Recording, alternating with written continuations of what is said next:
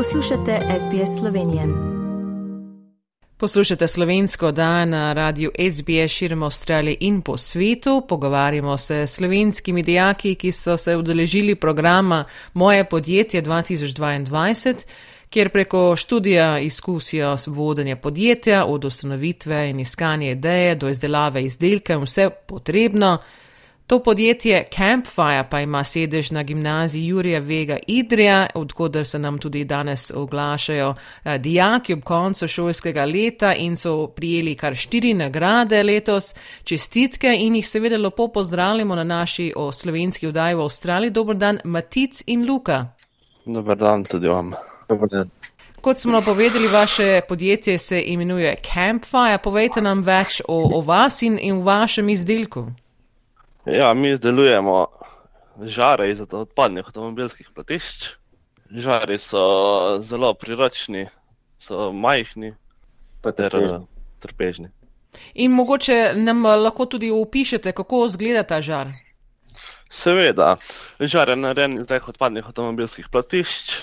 Pri prvem platišču, ki je namenjeno za korišče, bomo dno delno zavarili, eh, ter na njem smo stavili jeklene rešetke za peko. Drugo platišče pa smo eh, prerezali na polovico ter na njem zavarili pokrov. Eh, Obi platišči smo skupaj spojili s tečajem, dali smo mu tudi zložljive noge ter ga lično pobarvali. In uh, seveda tisti, ki nas poslušate, boste lahko tudi videli sliko tega izdelka, tako da si boste zamislili, kako to izgleda. In kako ste prišli recimo do te ideje, da ste izdelali žar? Zakaj ste to izbrali? mi smo bolj kmečki ljudje, se radi tudi podružimo v večerjih. In zdaj smo še nekako mladi in radi potujemo, ter smo si zamislili nekaj večera, da bi se izdelali nek majhen priročen žar. Tako smo pa prišli na idejo. In uh, ko ste rekli, ste naredili iz avtomobilskih izdelkih, kako je to poteklo, recimo postopek raziskovanja, recimo da ste imeli recimo patent za izdelek?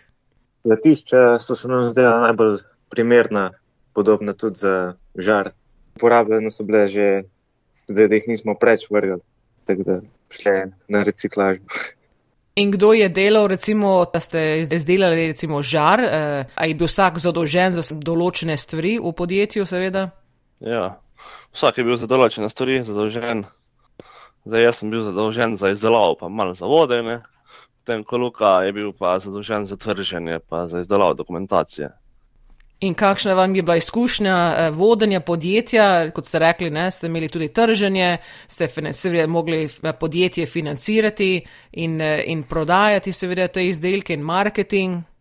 Ja, za prvič je bilo, Izkušnja je bila Ni bilo- fantastična. ja, Je bila naporna, sem še zmeraj je bila, zdaj kaj gledamo za nazaj, je bila kar na vrhuncu. Se lahko sam želiš, da imaš tako izkušnjo. In imeli ste tudi eh, mentorico, ki vam je pomagala, seveda. Da, Ja. ko smo prišli na kakršno koli težavo, nam je priskočila pomoč. To, tako da smo zelo ponosni na no. In kakšen je bil izziv recimo kupcev izdelkov? na tekmovanje, ko smo hodili od komisiji, smo dobili kar, kar dobre odgovore. Na, vsem se je zdel dober izdelek, za kupce pa še čakamo. In ste že naredili neko, neko dobro večerjo s tem žarom? Naši sošolci so šli preizkusiti in zgleda, da je zdržal.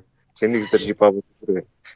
In, in tako na koncu ste tudi prejeli drugo mesto, priznanje za podjetje leto, kar nekaj nagrad ste dobili tudi drugo mesto za priznanje za najbolj inovativen izdelek in drugo mesto tudi za priznanje za najboljšo podjetniško idejo po izboru mentorjev in tudi drugo mesto za priznanje za najbolj izviren izdelek.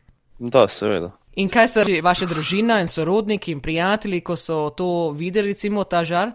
Ja, bili so navdušeni, zelo fascinirani, da kaj lahko eh, več mladih ljudi natuhta.